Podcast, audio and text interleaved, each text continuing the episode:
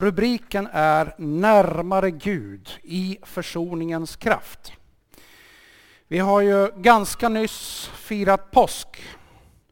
Och på påsken så återkommer vi speciellt mycket till det som vi har som symbol i vår kyrka här, korset. Och vi talar ibland om korsets kraft. Och vi talar om att Jesus dog och uppstod. Men kanske är det så här att vi, vi inte alltid djupnar i eller landar i lite mer av vad innebär det där egentligen som Jesus gjorde på korset. Och idag så ska jag försöka att, att dela lite tankar och förhoppningsvis så begripligt som möjligt. Jag vill redan säga från början, när vi har talat om försoning och försoningens kraft så är det ett mysterium. Det är ett mysterium i den djupaste teologiska meningen. Men det betyder inte att vi inte kan ta till oss saker och ting. Och jag vill försöka fokusera på det som vi kan ta till oss. Sen så kan Sam och andra teologer intyga om att det här, det här är någonting som teologer kan ägna hela livet åt att försöka förstå. Så var det med Levi Petrus som ju var en nyckelfigur i pingströrelsens historia här i Sverige. Han ägnade hela livet och han kommer till en avgörande punkt i livet när han på något vis får bekänna för Gud att, att eh, det är som att han upplever att Gud talar till honom, du har inte talat om min försoning. Och så gör han någon form av omvändelse där och, och sen så säger han att han i stort sett resten av sitt liv predikade om försoningen. Så det här kan man ägna ett helt liv åt. Men jag vill försöka att dela några tankar som kan vara praktiska för dig och för mig och naturligtvis utifrån en bibeltext. Eh, vi kan ta den andra bilden där. Vad innebär en relation? Jag är övertygad om att vi alla ingår i en mängd olika relationer. Och vad innebär en god relation? För eh, ett antal år sedan så kom jag att hamna mitt i en konflikt. Det var inte så att jag var del av konflikten. Och eh, det är inte här i Karlstad så du behöver inte fundera över vilka som var involverade i den. Eh, det var på en helt annan plats utanför Värmland. En plats där jag regelbundet återkommer. Och jag konstaterade att i grannskapet på den här orten, på den här platsen, så var det två personer som hade något otalt med varandra. Och det ledde till ett antal saker. Det ledde till att när, när folk i bygden kom samman för olika saker man skulle göra, då var det spänningar. Då var det laddat. Och ibland var det så här, ja men om den kommer, då kommer inte jag. Och så det ena efter det andra liksom var där. Och det var inget roligt kan jag säga. Jag hamnade mitt i det här och fick höra olika versioner av olika människor. Och så fick jag höra alla de som egentligen inte var inblandade men drabbades av den här konflikten.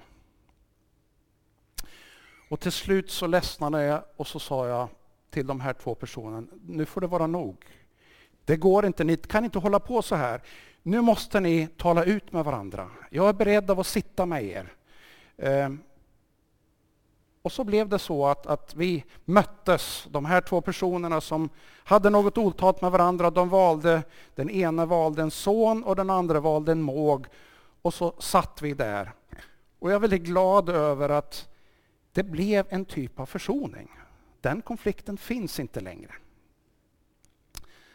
Och det var inte kanske väldigt troende människor, men jag sa när vi började samtalet, med all respekt för vad ni tror på, jag vill be en bön.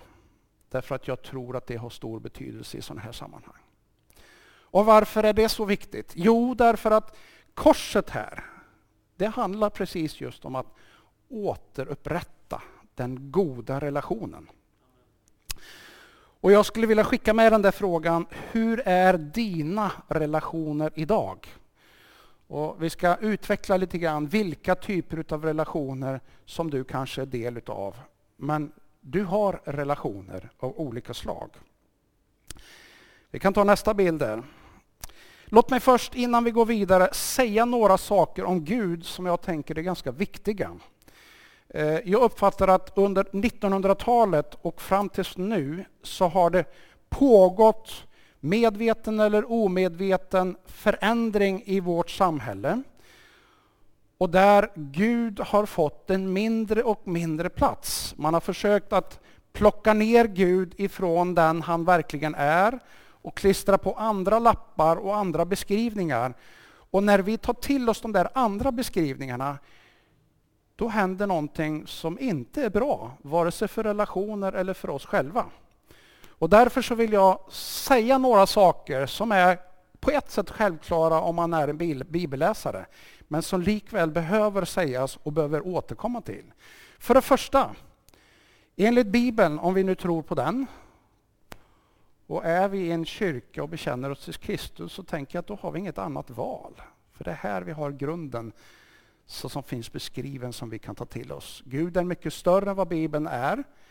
Men Bibeln är ändå oerhört viktig för att säga någonting om vem Gud är. Då säger Bibeln så här att Gud, han är skapare av himmel och jord. Det finns inget utav det som vi är på som i grund och botten inte är skapat utav Gud. Det finns inget där du ser i stjärnevärlden, upp mot himlen, som inte är skapat utav Gud. När du möter en människa så är det resultatet utav Guds skapelse. Och det må vara en vacker människa eller en mindre vacker människa. Det må vara en frisk människa eller en sjuk människa. Den människan är i grund och botten skapad av Gud. Så Gud är skapare av himmel och jord och allt. Det är en sån här oerhört viktig sanning. För det andra då, vilket vi ibland glömmer. Gud är helig och sann. Det finns ingen lögn i Gud. Det finns ingen osanning i Gud. Och helighet och sanning hänger ihop. Helig kan man beskriva som avskild eller ren. Helt ren. Och med Guds storhet, den han är, som skapare av himmel och jord och helig, så säger ett antal texter om att närma sig en helig Gud, det är förtärande. Förtärande för den som själv inte är ren och helig. Och Det där kan vara bra att ha med sig. De goda nyheterna det är att han är inte bara helig och sann, utan han är också fylld av kärlek och väldigt relationssökande.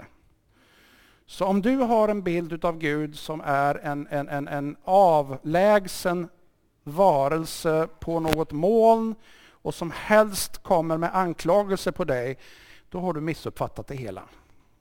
Därför att det är inte det som är Guds drivkraft. Guds drivkraft är kärleken och längtan efter dig och längtan efter relationer med alla människor. Hur är då Gud? Ja, han är uppenbarad genom Jesus Kristus. Och det är därför det är så oerhört spännande och intressant av att läsa evangelierna.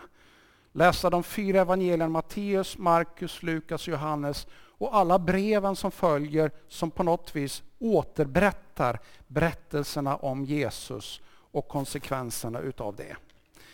Det är där vi får den tydligaste bilden utav vem Gud är. Det sättet Jesus möter människor på, det han beter sig på, det är avgörande för att beskriva hur Gud verkligen är. Så några grundsanningar som jag bara vill skicka med. Det här är ganska viktigt när vi också talar om försoningens kraft. Vi tar nästa bild. Vad är då världens problem? Varför finns det överhuvudtaget en anledning till någonting som kallas försoning? Och exakt vad försoning innebär, det ska vi försöka utforska alldeles strax. Jo, det finns ett uppror mot Gud. Tänk nu så här, Gud har skapat allting. Han är konstnären, han är kreatören, han är designern. Han är upprot, upp, upphovsinnehavaren. Alltså, han har upphovsrätten till hela sin skapelse. Men som människan, lurad utav Satan, gjorde uppror mot Gud och börjar gå sin egen väg, vänder bort emot Gud. Och jag tänker att vi ser väldigt mycket av det i vår tid. Vi sätter oss själva i centrum. I vår tid så är det människan som är i centrum, vad människan kan och inte kan. Och vi vill liksom sudda bort att det skulle finnas, när jag säger vi, så naturligtvis då gör jag mig till del utav samhället i stort. Det är inte så vi vill här i kyrkan, bara för att förtydliga. Eh, men i samhället så vill vi ofta sudda bort och minimera Gud, i bästa fall. Och i många fall kanske att han inte överhuvudtaget existerar. Många filosofer och, eh, och, och tänkare har, har förutspått att nej men, det här talet om Gud, det kommer att försvinna. Det verkar inte så. Varför? Därför att Gud har skapat dig och mig. Han har lagt i oss den här längtan över av att hitta vårt ursprung. Vi vill hitta vårt ursprung. Uh, ju äldre jag har blivit, desto mer intressant har det blivit att gräva i mina egna rötter. Och vi har en släktegendom som har funnits i familjens ägo åtminstone sedan 1840-talet. Det är lite spännande. När jag går på de markerna, när jag ser träden där, så är det liksom inte bara någonting just nu, utan det är någonting som har en historia. Jag tänker att det hör till män, människans natur. Vi vill veta något av vår historia. Upproret mot Gud, det som Bibeln kallar för synden, det har skadat relationen på fyra områden. Och jag tänker att i grunden, om man kategoriserar, så har du fyra typer av relationer som du behöver tänka på. Det är relationen mellan dig och dina medmänniskor. Är du, lever du i en parrelation, är du gift, lever i en parrelation, då är det den du lever med som är din främsta relation. Har du barn så är det oerhört viktigt. Och så vidgas den här cirkeln runt om. Du har en mängd relationer till olika människor. Du har också en relation till dig själv. Du vet, ibland så har vi den här inre dialogen som i värsta fall är en, ett krig, en konflikt. Där du har de olika rösterna som säger å ena sidan, ja men du är bra, du fixar det här. Du duger ingenting till, se vad du har ställt till med nu. Och jag ser på några att ni känner igen er här. Jag gör det också. Alltså, vi har en relation med oss själva som kan vara väldigt konfliktfylld, men som också kan få fyllas med frid, med harmoni och med insikt om vem är jag? Inte bara utifrån mitt eget perspektiv utan faktiskt utifrån han som har skapat mig. Så har vi relationen med skapelsen. Den talar vi om i samhället ganska mycket just nu, miljön. Alltså allt det Gud har skapat har han satt oss i en relation till. Och skapelseberättelsen talar om att människan har en roll att förvalta det. Och det kan man väl konstatera att det har vi gjort, men vi har inte alltid gjort det på det bästa sättet. Och du och jag har någon form av ansvar för hur förhåller vi oss, inte bara till medmänniskor som Gud har skapat, men också till hela skapelsen som Gud har skapat. Använder vi den på ett varsamt, klokt sätt eller förbrukar vi den och förstör den? Det är en relevant fråga, inte bara nu utan har varit genom hela historien. Och inte minst naturligtvis så är relationen till Gud oerhört viktig. Varför? Jo, därför att det är Gud som vet vad som är allra bäst för dig. Och det är Gud som har den stora bilden på tillvaron. Vi har en begränsad bild, men Gud har den stora bilden på tillvaron. Så när upproret mot Gud gjordes, först utav Eva och Adam, de tillsammans, och så har det liksom spridit sig vidare och vi lever fortfarande under dess konsekvenser. Det som Bibeln kallar för synd, då är det de här fyra områdena som påverkats negativt. Och då kan du ta vilken händelse som helst i ditt liv eller i det stora perspektivet så kommer du förmodligen märka att det som inte är bra det kommer att koka ner till en eller flera av de här fyra områdena. Konflikten som vi har i Ukraina just nu gör det definitivt. Utmaningen som vi har kopplat till miljöfrågor gör det absolut. Konflikten som finns mellan människor i äktenskap, i familjerelationer eller i andra sammanhang kopplar till det här. Och med den bakgrunden så är det oerhört viktigt att fundera över, ja men vad var Guds tanke? Vad var det Jesus gjorde på korset? När vi talar om försoning. Vad var det? Vad betyder det för någonting? För det är inte löst prat. Det är inte ett tomt budskap.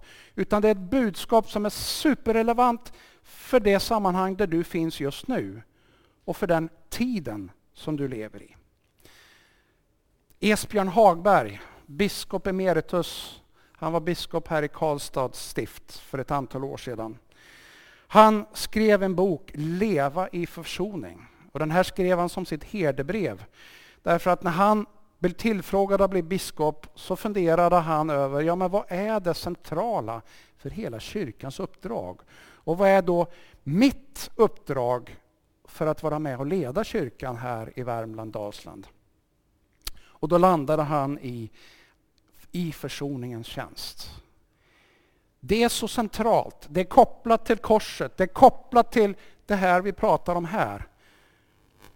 Så att vara i tjänst för att verka för försoning är det viktigaste som vi har som kristna, som Guds församling, som Guds rike handlar om.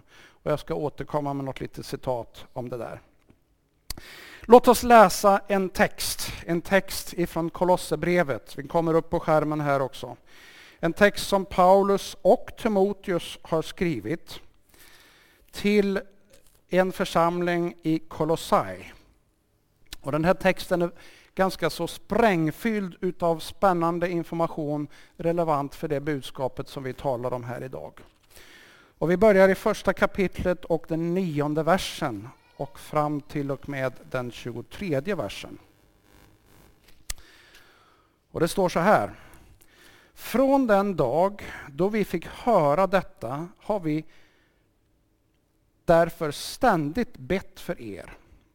Vår bön är att ni ska fyllas av kunskap om Guds vilja med all andlig vishet och insikt, så att ni kan leva värdigt Herren och på allt sätt behaga honom med alla slags goda gärningar när ni bär frukt och växer till i kunskapen om Gud.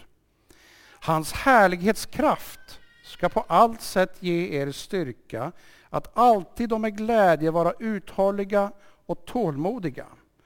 Och att ni ska tacka Fadern som har gjort er värdiga att få del av det arv som väntar det heliga i ljuset. Han har räddat oss ur mörkrets välde och fört oss in i sin älskade Sons rike. Och genom Sonen, alltså Jesus, har vi friköpts och fått förlåtelse från våra synder. Han är den osynlige Gudens avbild, den förstfödde i hela skapelsen. Ty i honom skapades allt i himlen och på jorden, synligt och osynligt, troner och herravälden, härskare och makter, allt är skapat genom honom och till honom. Han finns före allting och allting hålls samman i honom. Och han är huvudet för kroppen, för kyrkan. Han som är begynnelsen, förstfödd från de döda, till att överallt vara den främste. Ty Gud beslöt att låta all fullhet bo i honom och genom hans blod på korset stifta fred och försona allt med sig genom honom och till honom, allt på jorden och allt i himlen.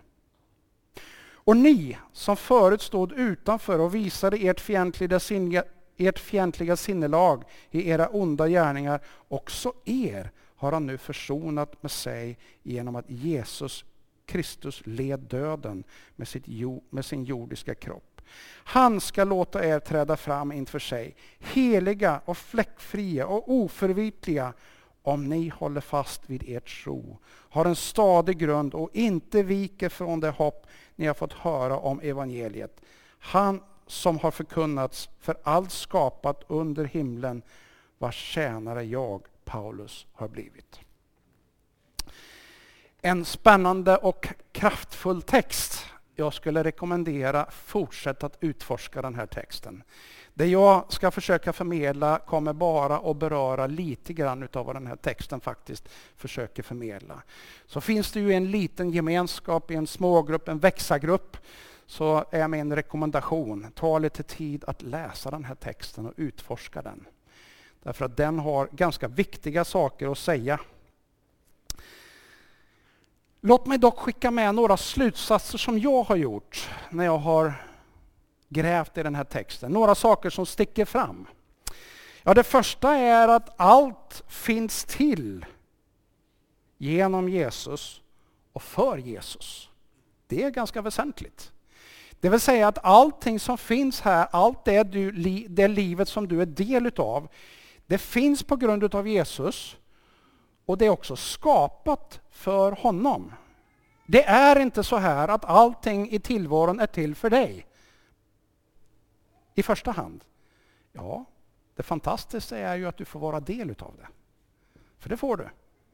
Men det är i grund och botten skapat till Jesus. Och Det betyder också om allting är skapat, finns till, genom och är till för Jesus, då betyder det att i grund och botten så är du också till för Jesus. Dina grannar är också till för Jesus. Dina kollegor är också till för Jesus. Dina skolkompisar är egentligen också till för Jesus. Det må hända att de inte har förstått det ännu. Men då kanske det är ditt uppdrag att hjälpa dem att förstå det. Och varför är det så viktigt? Jo, men därför att den som skapar och bygger en bil, den som designar en bil, gör ju det för ett speciellt syfte. Alltså en bil, den bil som jag kör vanligtvis, en Toyota, den är inte gjord för att köra i havet med, eller i sjön med. Och jag kan köra i lite, blöt, i, lite blött och lite vatten, men om det blir för mycket av det där, då, då, då pajar den här bilen. Då fungerar den inte. Det vill säga att Gud som har skapat dig, Jesus som är del i den skapelsen och har skapat dig, han vet ju vad du är skapad för. Och därför kan leda dig att hitta rätt i hela tillvaron på det bästa sättet. Den andra sanningen är att Jesus ska vara främst överallt. Det är det som är tanken. Och då är min fråga, hur är det i ditt liv? Är Jesus främst i ditt liv? Hur är det i din gemenskap, i din familj? Är Jesus främst där? Ja, det är väl en fråga som vi kan ställa oss. När du prioriterar din ekonomi, hur är det då? Är Jesus främst i dina ekonomiska prioriteringar? När du prioriterar din tid, hur är det då? Är Jesus främst i hur du använder din tid? Åtminstone säger bibelordet att det är så tanken är. Det är så det är när, den, när du och jag ska fungera som allra bäst. När vi ska få leva i den harmoni som var tänkt. För det tredje, allt hålls samman genom Jesus.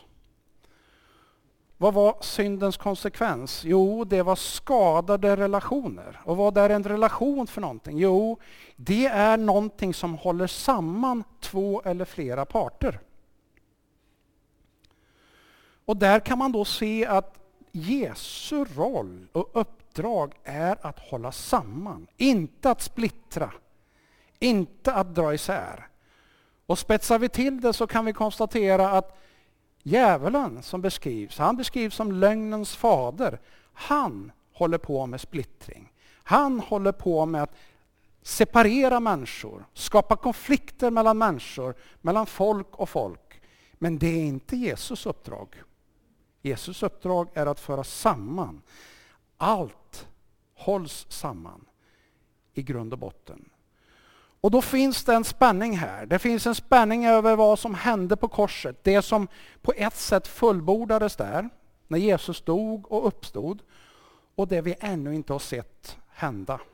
Och ibland så talar man i teologiska sammanhang om uttrycket redan nu och ännu inte. Något är påbörjat som håller på att hända. Men det ska fullbordas. Det är hoppet som Bibeln ger.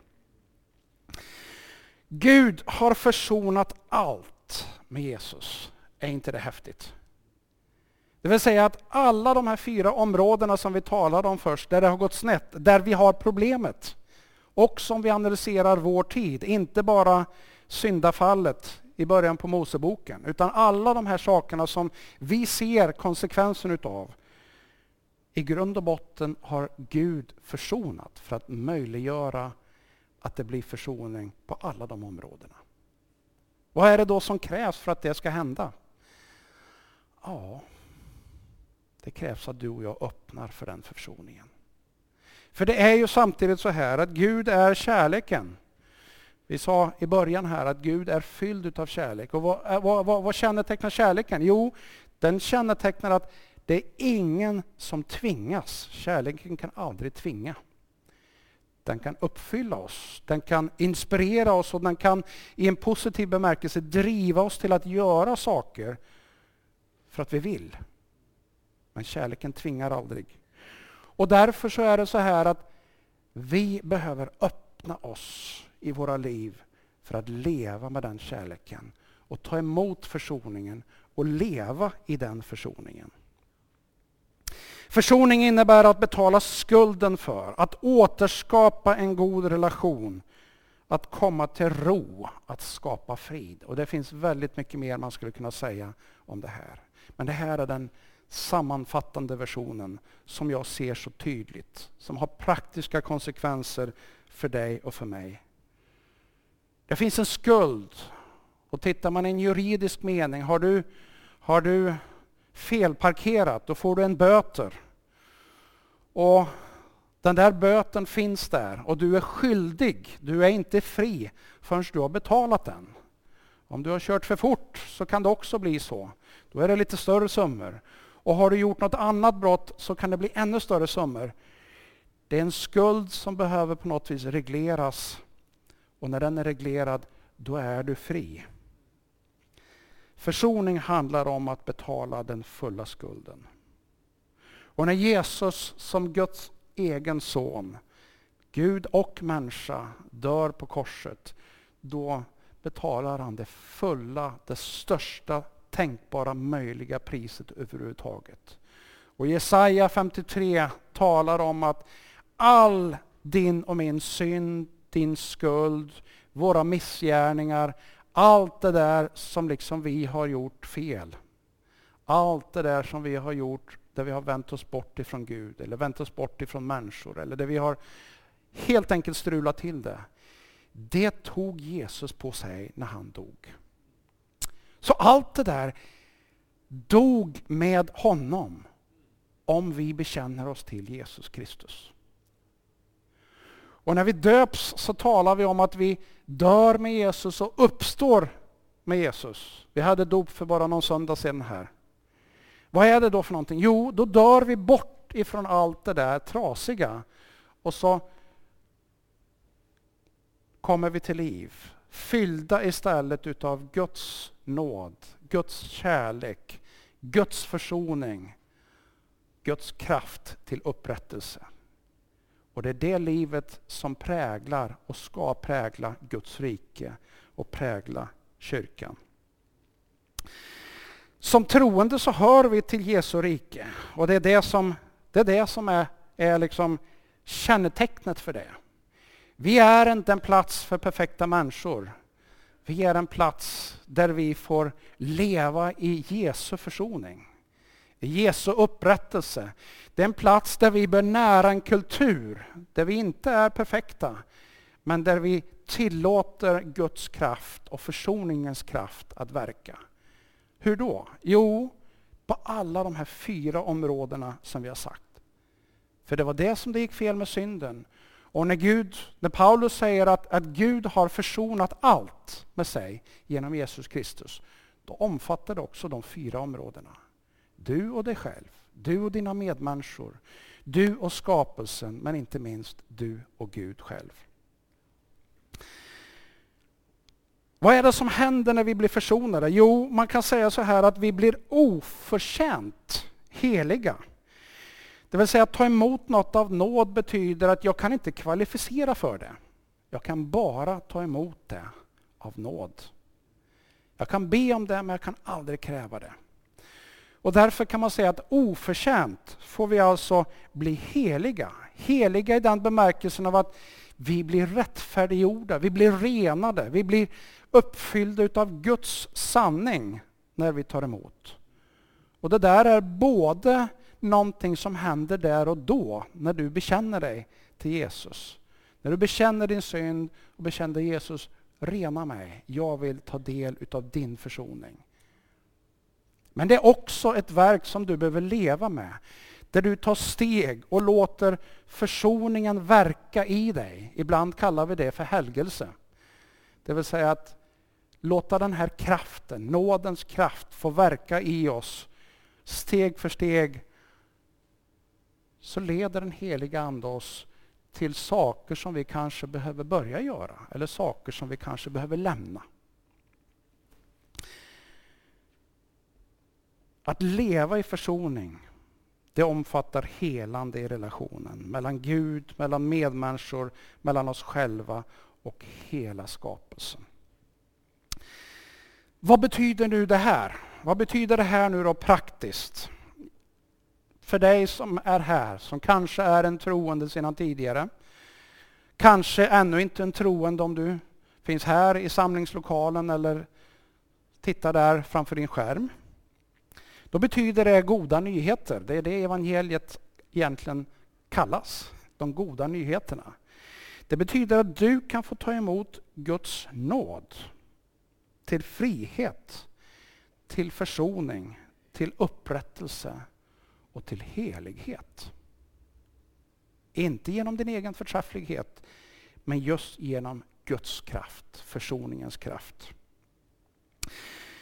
När du väljer att låta döpa dig, då dör du bort ifrån det gamla jaget, det trasiga jaget. Och det betyder att du uppstår med något nytt, rent och helt. Inte i din kraft, men i Guds kraft. Och då händer det fantastiska, att Gud som är så helig och sann och ren, som man egentligen inte kan närma sig om man inte är det, du får genom nåden möjligheten att kunna närma dig Gud utan att förtäras. Det finns personer i Bibeln, Gamla Testamentet, profeter i psalmerna som liksom sätter ord på det där. Jag förtärs i Guds närvaro. Men genom Guds nåd så kan du frimodigt gå fram kan du frimodigt umgås utan att behöva känna att nu dömer någon mig.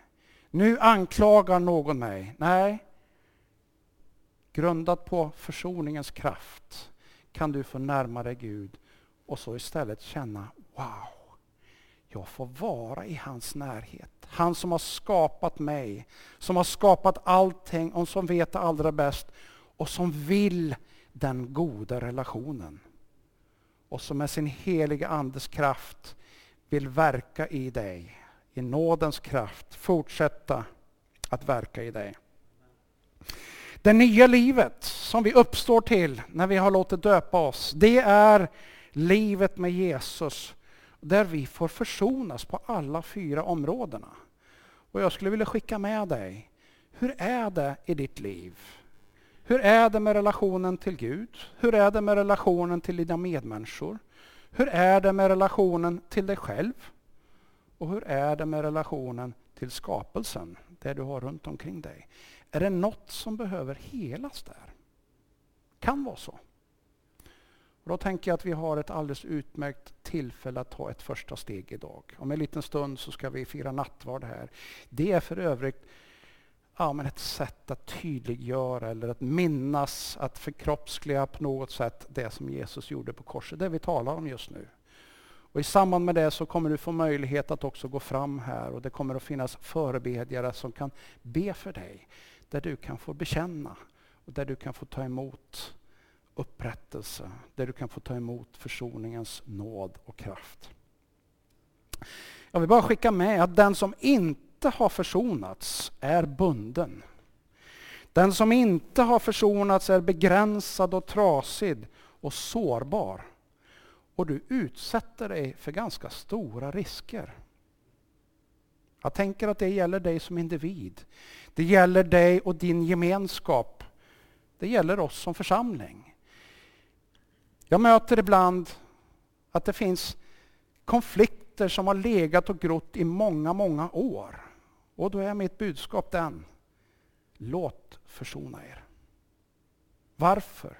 Därför att den där ligger och suger energi och den kan ligga på sparlåga, men rätt vad det är så händer något och så blossar den upp.